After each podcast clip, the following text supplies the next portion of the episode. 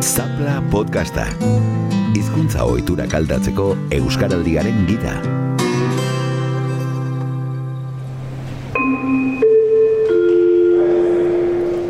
Opositores, silencio, por favor. La prueba selectiva va a comenzar. Dispondrán de una hora para realizar el ejercicio. A continuación procederemos a la entrega del examen. Somos miles de manera que tengan paciencia. Oposizio gileak froga astera doa. Zuetako norbaitek azterketa euskaraz egin nahi badu, altxa dezala mesedez eskua.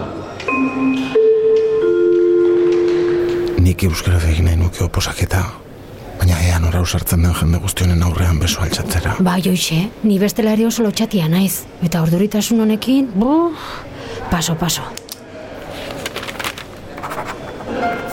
Lehen atala. Hain nekeza alda Euskaldun izatea.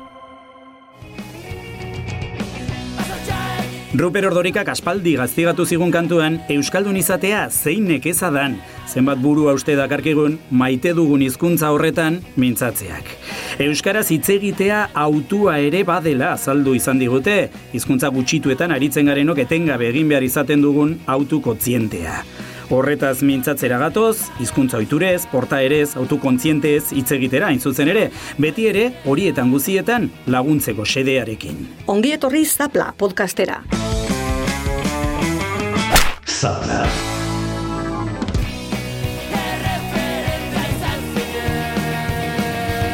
Iztun modura, gure buruak hobeto ezagutzen saiatuko gara, egoera ezberdinetan nola jokatzen dugun aztertzen, portaera horiek ulertu eta ohiturak aldatzeko baliabideak eskaintzen. Euskaraldia kontzeptu berriak ekarri dizkigu. Aho bizi, belarri prest, arigune, baina kontzeptu ozarago ariketa bat proposatu digu. Bat, aztertu ditzagun gure hizkuntza ohiturak. Bi, analiza ditzagun egunean zehar, egoera ezberdinetan, ditugun hizkuntza portaerak eta hiru prestatu gaitezen, aho bizi edo belarri presmodura jokatuz, Euskara gehiago, gehiagorekin eta gehiagotan erabiltzeko. Azgaitezen bada, estres linguistikoari buruz hitz egiten. Euskaldunok badakigu zer den gure egunerokoan hizkuntza aukeratzen ibili beharra. Egun osoa kalkulatzen pasa beharra. Gure solaskideak zer hizkuntza ulertzen duen asmatzen, gure hizkuntzarekiko zer jarrera duen imaginatzen, ze aurreritzi izango duen gure buruari galdetzen. Eta zalantzon ondotik jakina, erabakiak datoz. Zer hizkuntzatan hasiko dugun elkarrizketa, solaskidearen erantzunaren arabera nola jarraituko dugun, zenbateraino eutxiko diogun gure autuari. Egunerokoan gure gogo eta azalean bizi ditugun horiek izena dute izanarekin batera. Estresa, sumizio linguistikoa, hizkuntza asertibitatea, portaerak eta ohiturak. Gauzak horrela, jarraian bidaia eginen dugu. Belarri prest edo hau bizi, gure buruak jantziko ditugu, hizkuntza ohituretan barna bidaia eginez. Ezagutu ditzagun beraz, beste batzuek euskara hautatzeko izan dituzten arrazoiak. Egin dezagun gure gogoeta. Gema Sanginez, psikologo bilbotarra dugu gurekin Valentziatik. Gema kirol psikologian eta psikologia klinikoan espezializatu da. Hala ere, hizkuntza ohitura eta hizkuntza portaerak psikologiatik aztertzen ibilbide luzea egina du.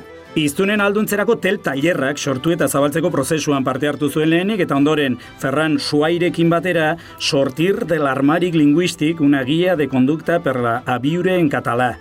Liburu argitaratu zuen. Irten hizkuntzaren armairutik Euskaraz bizitzeko portaera gida izenburuarekin. Estres linguistikoa, hizkuntza portaera, kasertibitatea eta hizkuntza ohiturak izango ditugu gemarekin hizketagai besteak beste.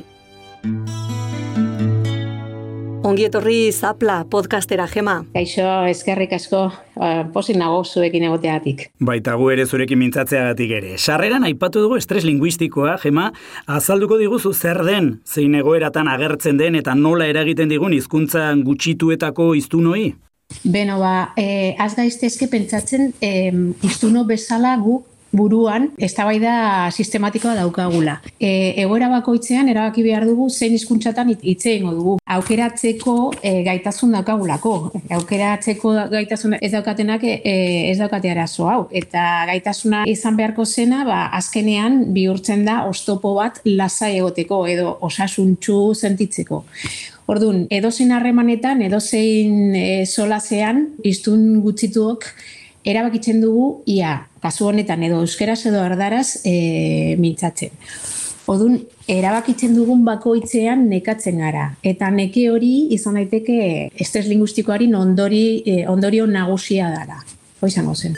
Beraz, estres linguistikoa gure eguneroko portaeratan eragiten du, nola baldintzatzen ditu portaera horiek, jema? Beno, beha, em, lehenengo aldiz, ba hori, neke hori edo ensietate hori solasaldi batian parte hartzeko momentuan, edo zein egoeratan, edo bapateko egoeratan, edo erosketak egitera, e, egitera jaten garenean, edo zenide batekin, edo, edo zen egoeratan, ezagun edo ez ezagunekin eta nola jokatzen du estresa, ba, iru, iru maietan, beti psikologoak iru maietan azaltzen dugu jokaera, alde batetik, alde kognitiboan, ba, e, erabaki hori, neke hori, e, ze egingo du nire buruarekin, e, zein, zein izkuntzatan hitz egingo dut, eta zein gauzak esaten dio gure buruari, zein aurre etxiak, adibidez, esaten badio da, edo e, aurkesten banaiz e, euskaraz agian bestea zentituko da txarto, edo nik zentiaraziko dio txarto, edo edukazio txarrekoa naiz hori egiteagatik. Eta hori gure buru hori esatea sistematikoki nahiko txarra da osasuna etzat eta autoestimoan entzat.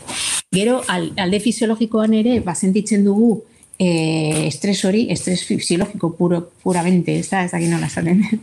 e, ba hori, ba, aldagai e, fisikoak e, nabaitzen dira, ba, e, bihotzeko frekuentzia adibidez, edo e, giarretako tentzioa, eta bar. Eta gero, e, jokatzeko moduan, ba, e, jokatzen dugu, ba, urduriago, edo ez daukagu jokaera finko bat, zuzena, baizik eta joaten gara alde batetik bestera, ez? Ba, zalantzetan. Zalantza betean, behin eta berriz. Eta hori guzi hori horrela, estres linguistiko madarikatu horrek, zer eragindu hizkuntza gure hizkuntza ohituretan? Beno, ba, azken finean egiten duguna da, aukera daukagunez eta beste e, jokaera neutro egin dezaku, dezakegunez, azken finean egiten duguna da, lehenengo momentuan edo epe motzera erosoago dana, eta da erderara pasatzea. Eta hori, sozialki dino, ba, presentzia, euskararen presentzia gutxitua, eh? edo murriztua. Kontuz, kontuz kotxearekin. Bai, bai, ikusi dut. Lagunduko didazu izkinako denda horretara, erakusle joko alkandora hori izugarri gustatu zait. Kakazara, ez zara hasiko ba orain arropa probatzen. Presaz nabil, aizu. Unetxo bat izango da motel, ohartu orduko kanpoan egongo gara. Ikusten? Iruz palau bezero eta saltzaile bakarra. Berandutu egingo gara. Zaude, dida batean prezioa galdetu tabagoaz. Bizkorba, Perdona, me corre un poco de prisa. Querría saber el precio de la camisa del escaparate. Eh, lasai, zein kuadro dun hori? Ea, utzi da zu ikusten. Alako egoeratan presak jota solazkideak zer hizkuntzatan ulertuko gaituen jakin gabe portaera ezberdinak izan ditzakegu. Orain entzun dugun horretan esaterako hiztunak gaztelerara jodu zuzenean. Gema, zer motatako erantzunak ematen ditugu estres linguistikoa sortzen dizkiguten egoeratan? Bai, beno, hau e, egoera tipikoa da, eta alde batetik iztun kontzientziatua baldin bada, protagonista, ba, gertatzen zaiona alde batetik da, bere, madarikatzen du bere burua, senditzen da txarto, e, hemen esaten dugu kete fustigues, eh, ematen diozu kolpeak zure bizkarrera, eh? eta a, bestalde batetik pentsatzen duzu nola, nola egin onuke zergatik ez naiz konturu. Azken finean, eztuna, e, eztunak egiten duena da bere burua madarikatzea, eta hori da ondorio moduan da zigorra botatzea, gainera autoadministratua. Eta gertatzen zaiguna orokorrean iztun gutxitua da, edo beste alde batetik edo gure burua gure buruari egiten dioguna da zigorra jokatzea, zigorra botatzea eta horrek sortzen du gatazka bakarrik hitz egiteko jokaragatik. Azken finean egin behar duguna edo egin beharko genukena egoera honetan izango litzateke, ba pentsatzea beno aldi honetan okertu naiz, ikas dezaket urrengorako, eta orduan urrengoan, zaiatuko naiz lehenengo itza beti euskeraz egitea. Eta nire buruari, bapateko momentuan esango diot froga ezazu euskeraz. Ez da zer gertatzen, froga ezazu. Zalantzabari jema ez da ezer gestatzen, ez da? Eta gure buruari bigarren aukera hori eman behar diogu. Tira, eta gure burua zigortzera iritsi barik, aipatu dituzu, badila zenbait estrategia, estresare egiten diguten egoera horietatik e, iez egiteko. Mhm. Beno, itzultzen ez lehenago esandakoari. Ziurazki zigorrarik e, eraginkorrena iztun gutzituentza da e, nekea, neke hori.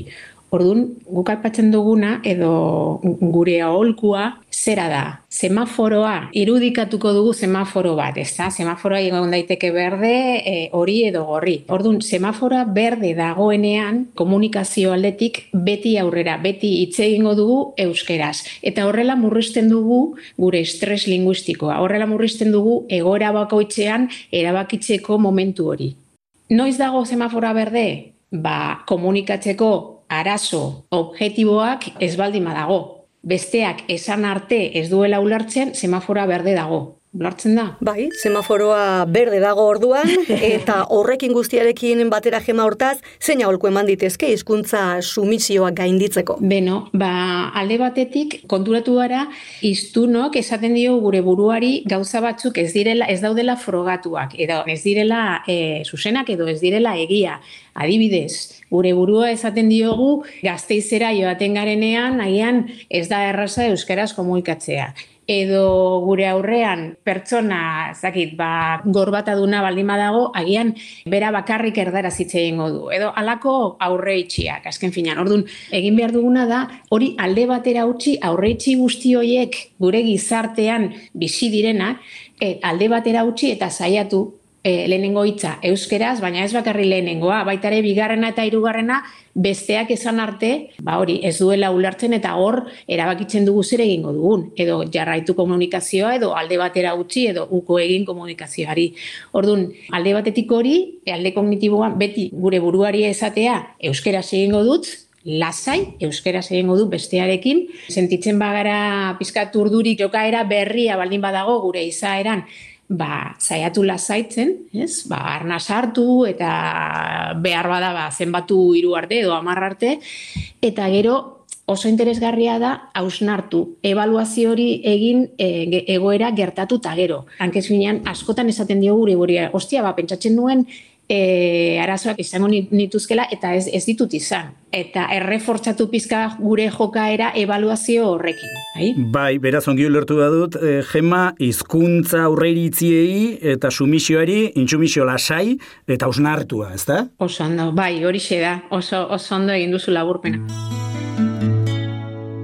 Bueno, beste, beste kontu bat, e, sarreran alabera ipatu dugu hizkuntza asertibitatea lantzen duzuela, telp tailer horietan, e, saiguzu zer den hizkuntza asertibitatea? TELP esan nahi du katalanez taller de espai linguistik personal. Orduan, taller hori justu, ba, iztun gutxituak eta kontzientzia dunak e, sentitzen zuten haien espazio edo gure espazio linguistikoa txikia zela eta murriztuta. Eta horrek esan nahi du, ba, hitz egiteko momentuan sentitzen gara deseroso oso deseroso. Eta asertibitate linguistikoa izango zen gaitasun bat garatzea, zen gaitasuna, ba, gure hizkuntza hitz egitea, besteak errespetatzen eta eroso sentitzen. Eta horretarako entrenatu behar da, noski. Uri da, ez da, eroso sentitzeko garrantzitsua da, asertibitate horretan ongi moldatzea, oreka bat bilatzea, ez da, asertibitatearen eta gure nortasunaren edo izaeraren artean. Bai, horrela da. Gertatzen zaiguna, edo normalian, hainbeste urte pasatea gero konturatu gara, iztun gutzituok, kokatzen gara kontinuum batian, kontinu hori dia ba, gizarte gaitasunak, edo gizartean jokatzeko gaitasunak. Eta kontinu horren ertz batian, edo izkin batian, izango zen lotxati jokatu, edo lotza sentitzea, eta beste izkinan ba, agresibidadea. Ezta? Orduan, asertibitate izango, izango litzateke, edo egongo zen justu erdian. E, iztun gutxituok az, azken finean iaia beti kokatzen dira lehenengo ertzean. Oso oso timidoak edo oso lotxatiak. Eta horrek esan nahi du, sentitzen dugula gure burua aitortu behar dugula, edo besteon eskubideak gureak baino importantia direla, edo beldurra hondia daukagu beste zer petzatzen duten guri buruz. Eta askotan gertatzen da ere asko nekatzen garenean joaten gara, baina momentu batean beste eskinera joaten gara edo jokatzen dugu agresiboki, agian tokatzen den ez den en momentuan eta gero itzultzen gara. Lotxatea izaten. Azken finean hori da gure egoera egizartean eskontrolatzea, besteo kontrolatzen dute edo egoera kontrolatzen du gure gure izaera edo gure jokatzeko modua. Ordun izango zen oreka hori zuk esandako oreka hori bilatzea izartearen aurrean, solaskidaren aurrean, e, tinko eta mantendu jokaera zuzen batian eta mugitu gabe. Alde batetik bestera joan gabe. Eta horrek ekartzen digu lasaitasuna eta baita ere gure zulaskideari.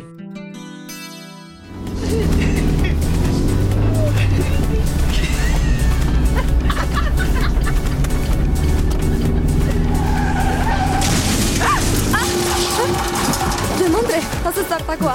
Ondo zaude? Bai, hau sustoa. Eskerrak ez gindoa zen abiada handian. Bai hori itzela sortea. Ez dut pentsatu nahi zer gertatuko litzatekeen frentez kotxe bat jo izan bagenu.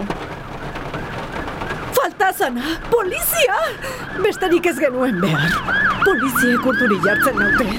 Hori da kontua. Tira, zaude lasai, istripu bat izan da ez besterik. Eta honik gaude gainera. Adeitasun ezagurtu eta zaude lasai. Ez dugu ezer txarrik egin eta... Zer egingo diot. Euskaraz ala erdaraz. Ah, erderaz hobe. Gauden egoeran, etzaigu hautsak arrotzea komeni. Egoera guztiak eh, ez dira, berdinak, eta esango nuke jema, ba, egoera batzuetan zailagoa dela portaera asertiboei eustea. Badago, hizkuntza portaera asertiboak lantzeko egoera erraz, eta zailik? Beno, ba, justu orain izango dugula Euskaraldia, e, esan dezakegu egoera errasten dala pixka bat, arnazguneak ikusten ditugulako. Orduan, e, arnazgunea baldin badaude errazagoa da. Aurrez aurre jakiten badugu gure aurrean dagoena ulartuko gaituena edo itxeingo duela ere euskeraz horrek bala zaitzen gaitu. Zentzu horretan, ez? Erabaki hori, ez bagaude entrenatuak, ba, hori, erabakitzeko momentu hori bertan bera geratzen da, ez? Ba, egiten dugu aurrera eta listo. Ikusten dugulako aurrekoa e, txapa daramala.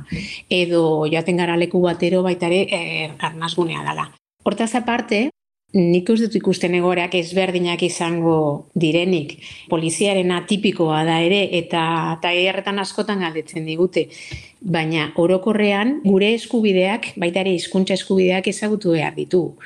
Eta aldugu jokaera normal batekin aurrera segi hizkuntza aldatu gabe euskeraz egiten eta itxaronia zegartatzen den. Ikusten baldin badugu semaforoa ja berdeaz dagola besteak esaten digulako ez digula ulertzen, adibidez, ba, funtzionario batek esaten badigu hori, ba, aldugu pentsatu zeintzu dira nire eskubideak eta praktikan jarriko ditut edo edo areagotuko ditut ala ez, erabakiko du nik.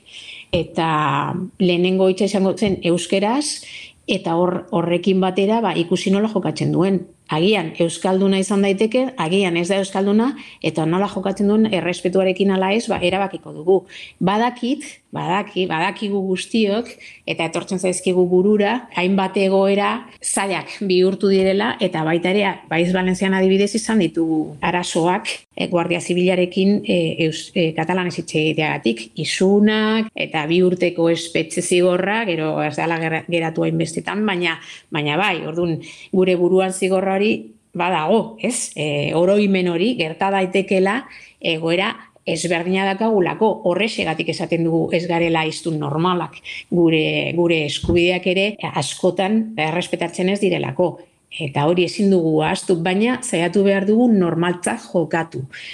Posiblea bada le, lehenengo lehenengo hitza euskeraz posiblea bada mantendu eta ikusten bada egoera larrira joaten dela ba erabaki Hortaz, Jema, komeni da. Gure burua prestatzerakoan, egoera ezberdinak bereiztea eta gure erantzuna mailakatzea? Bai, eta baita ere, e, gehituko nuke beste gauza bat. Pentsatu, etxan behar diogu gure buruari, bestea, e, pertsona heldua dala, eta ez du importa norden, eta ez du importa zein den bere, bere lana, beste pertsona normala eta heldua da, eta arazonen bat baldin badago, badauka komunikatzeko, ba, jakingo du esaten, ez da? Eskatuko digu eta gutxien espero duguna da errespetuz eskatzea. Agian poliziarekin tailerrak egitea gaizki ez, horretarako ere, dena dela. E, izkuntzari buruz ari gara etengabe, hori baita aztertzen ari garen eremua, baina estres linguistikoa sortzen diguten e, egoerak bestelako egoerekin pareka daitezke, eta eta horrela bada, erantzuteko estrategiak antzekoak izan daitezke, Gema? Bai, em, ez, ez zaite okurritzen, zer gerta daiteken, ze, e, askotan gu, bueno, gertatu zaigu, i, izan ditugula partaideak tailerretan oso asertiboa direla bizitzan, eta beste leku batzuetatik ez, ez lirateke pasatuko, ez da pentsatu ere, errespetu aldetik, ez da, e, e, baina gero hizkuntzaldetik ba, uko egiten diogu, edo, edo, edo, edo ez du errespetatzen, edo ez dute errespetatzen haien, haien eskubideak ez daukate hain argi adibide bezala, norbaiteke kaletik esaten badigu, ez zai gustatzen zure arropa janzetez etxera taldatu, ba, esango nuke, ba, bueno, ni joaten naiz nahi dudan modutan eta aurrera noa, ez? Ez zai okurritzen etxera itzuli eta, eta aldatu, bakarri besteari gustatzen ez zaiolako. Eta zergatik hizkuntzarekin egiten dugu hori? Zergatik nabaritzen baldin badugu edo esaten badigute e, esplizitoki ez zai gustatzen zu euskaraz egitea egidazu gaztelanez adibidez, eta ni joaten naiz etxera mm, modu figurado batian aldatzen dut hizkuntza, aldatzen dut nire izaera eta nire portaera, ba hori gertatzen da. Orduan ez dakit, alde horretatik oso ezberdina da. Oso ezberdina. Oso barneatuta daukagu sumizio hori. Aizu jema, eta estrategia ez aritu gara, baina trukoak ere eskatuko dizkizugu. Badago gure ohituretan aldaketak eragiteko trukorik, ze urrats jarrai ditzakegu edota nola ez entrena gaitezke? Mhm. Bai, zu lehenago aipatu duzu gauza bat eta izan da mailakatzea, ez? E, zailtasun hori mailakatzea. Hori oso kontzeptu interesgarria da. Ordun, edozein ikasketa, edozein ikasketan mailakatzen dugu zailtasuna, ez da? Eta lehenengo maila oso erraz egiten baldin badugu pasatzen dugu urrengo mailara. Ba, horrela egin beharko genuke edo hori da gure aholkua. Eta ordun, zaila gaitezke gure buruan salkapen subjetibo bat egitea bakoitza berea. Zer da erraza niretzat, zer ez da hain erraza, zer da oso zaila eta zer da ezinezkoa. Ordun, kontua izango zen beti jokatzea egoera errazatan por defecto. Eta agian niretzat oso erraza da, ez ezagun batekin, e, ez dakit, zein ordu den galtzetzea, eta beste batentzat oso zaila da, adibidez beltza baldin bada. Orduan, bakoitzak erabaki behar du zen da, bere zailtasun maila hori, edo e, hori, edo zailkapen hori. Orduan, e, egin dezakegun lehenengo gazo izango litzateke gure buruari galdetzea zaintzut dira murrizten gaituzten edo murrizten diguten edo gure jokaera asertiboaren murrizten diguten aurre etxiak. Adibidez, ba, hori, esan dakoa, ez, ba, itxura, e, solaskedaren itxura, edo lekua, edo nire tentzioa, edo egoeraren garrantzia, medikoaren gana joatea, eta bar. Zaikatu eta horren arabera, zaiatu gure buruari galdetzea, zergatik pentsatzen dut edo bakarrik adibidez bakarrik gor bat aduna izateagatik esan nahi du erdalduna izango denik e, inoiz ez dut eramani gor bat adibidez. Edo txinatarra izateagatik e, ez, esan nahi du ez dala hemengoa edo ez didala ulertzen edo zailtasun txiki batekin edo ez dakit, euskalki arraroa edo ezagutzen ez dudan euskalki batean hitz egiten nidan pertsona horrek ez du nahi euskera hitz egitea, hori izango zen, galderak egitea gure buruari. Eta galdera horiek benetan egiten dutena da, edo ondoria da, aurre itxia bertan bera ustea. Hortik aurrera, ba, segitu eta lehenago esan dudana, ba, lasaitu sentitzen badugu tentzio hori, eta aurrera segitu eta behatu eta fijatu ja nola garatzen den egoera. Eta herri batekin edo lasaitasunez, ba, zaiatzen bestearekin elkarrulartzea. Gure, ez da, norbere, oiturak aldatzea ze ari gara, baina zen aurritan dago gure esku, eta zein aurritan ez beste faktore batzuen e, menpe aldatze hori. Bai, hori egia da, e, ezin du jarri e, ardura guztia gure gainean. Aurreko egunean ikusi nuen meme bat, eta alde batetik grazia egin zinan, eta beste aldetik pena, pena undia. Eta zen hori, ba, ematen du momentu batian, deno babestuta gaude, baina gero geratzen da, urte osoa, ezta? Eta momentu horretan euskararekin oso alde gaude eta babesten dugu eta oso kontzientea gara eta baita ere administrazio aldetik beste hainbat egoeretan injustizia gertatzen dira eta ez da ez ere egiten. Ordun, alde batetik guk badaukagu murgiltzeko edo gure espazio linguistikoa hobetzeko edo garatzeko gaitasuna edo aukera. Baina egia esan askoz errazago izango litzateke hori gure oinarrizko eskubideak defendituko balira. Eta hori ez da gure esku, hori dago administrazioaren esku. Ederki, Gema, benetan plazer argigarria izan da zurekin mintzatzea, badakizu gure podcast honetan oiturak aldatzea eta euskarazko praktika linguistikoak indartzea dugula xede, eta lehen atalean oinarrizko kontzeptu hau eguziak lantzen eta argitzen ikaragarri lagundu diguzu. Estimatu dago eta ziur naiz, halako elkarrizketatu egin erabileraren biurgune hori gorantza bultzatuko dugula. Ba, horrela izango balitz, nire txatu paririk goberena izango bintzatike. Eskerrik asko zuei. Nahi duzun arte jema. Vale, agur. Zapla.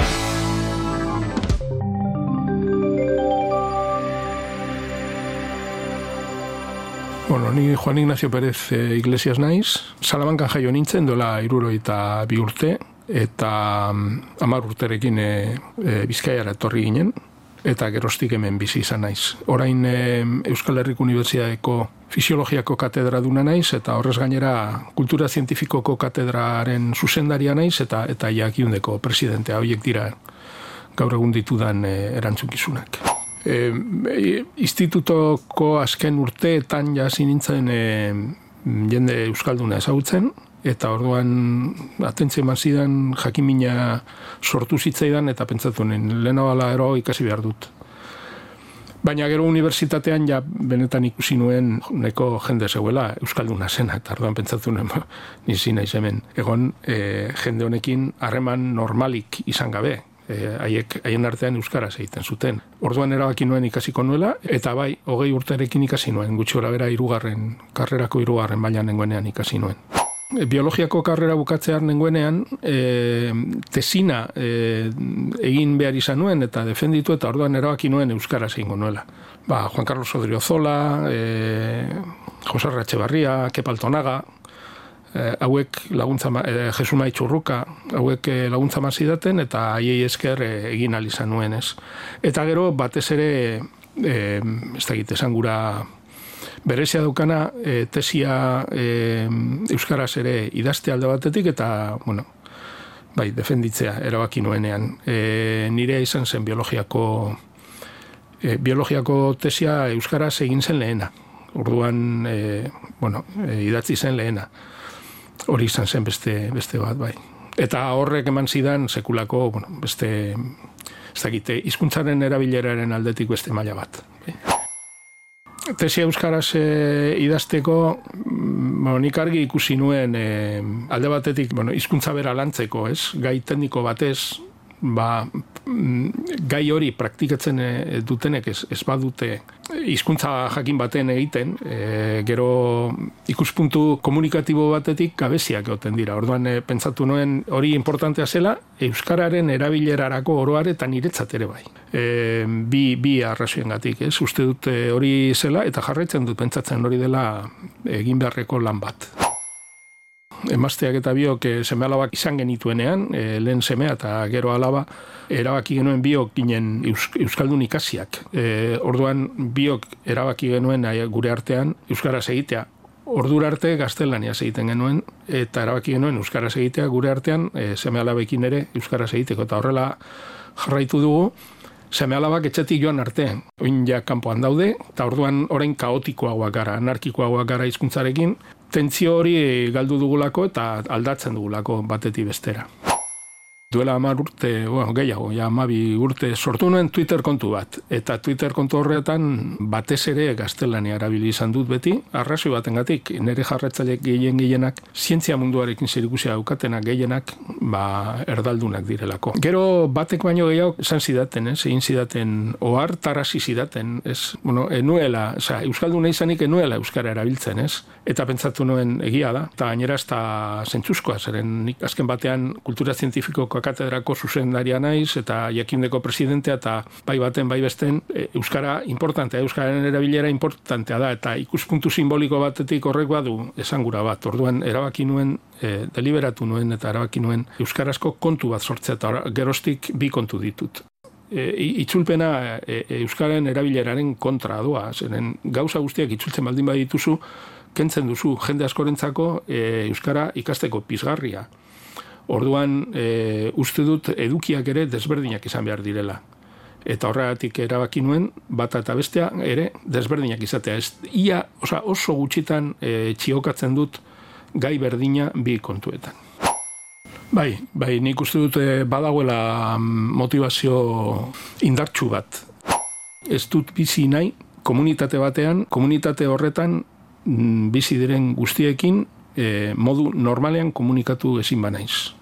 Eta orduan hori egin alizateko hau bezalako komunitate elebidun batean, Euskara ere erabili behar dut. Eta mm, horregatik e, erabili izan dut beti le, ikasi nuen lehen, gero akademia munduan, oza, unibertsitatean landu dut, eta hortik kanpo ere bai, mm, divulgazio zientifikoan, e, ere guztietan hori izan da motivazioa. Modu normalean jendearekin eta komunikatzerakoan modu normalean komunikatu alizatea, bizi alizatea azken batean.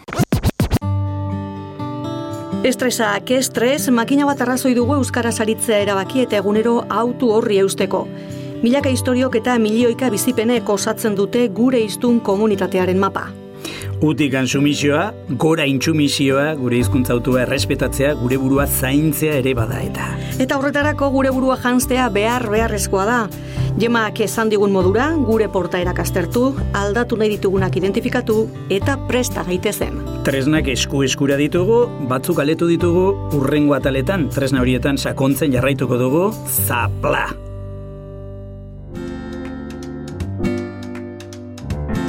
Zapla podcastaren lehen atala entzun duzu. Monika Belastegi eta Juan Cruz Lakastak gidatuta Euskaltzaleen topaguneak eta Euskaraldiak sortu dute EITB podcastentzat. Ekoizpena on time. Aktoreak Xavier Alkiza, Ainoa Ayerbe, Marga Altolagirre, Lorea Intxausti, Kepa Errasti, Jose Felipe Auzmendi eta Aintzane Gamiz. Soinua Iñaki Bera Etxe.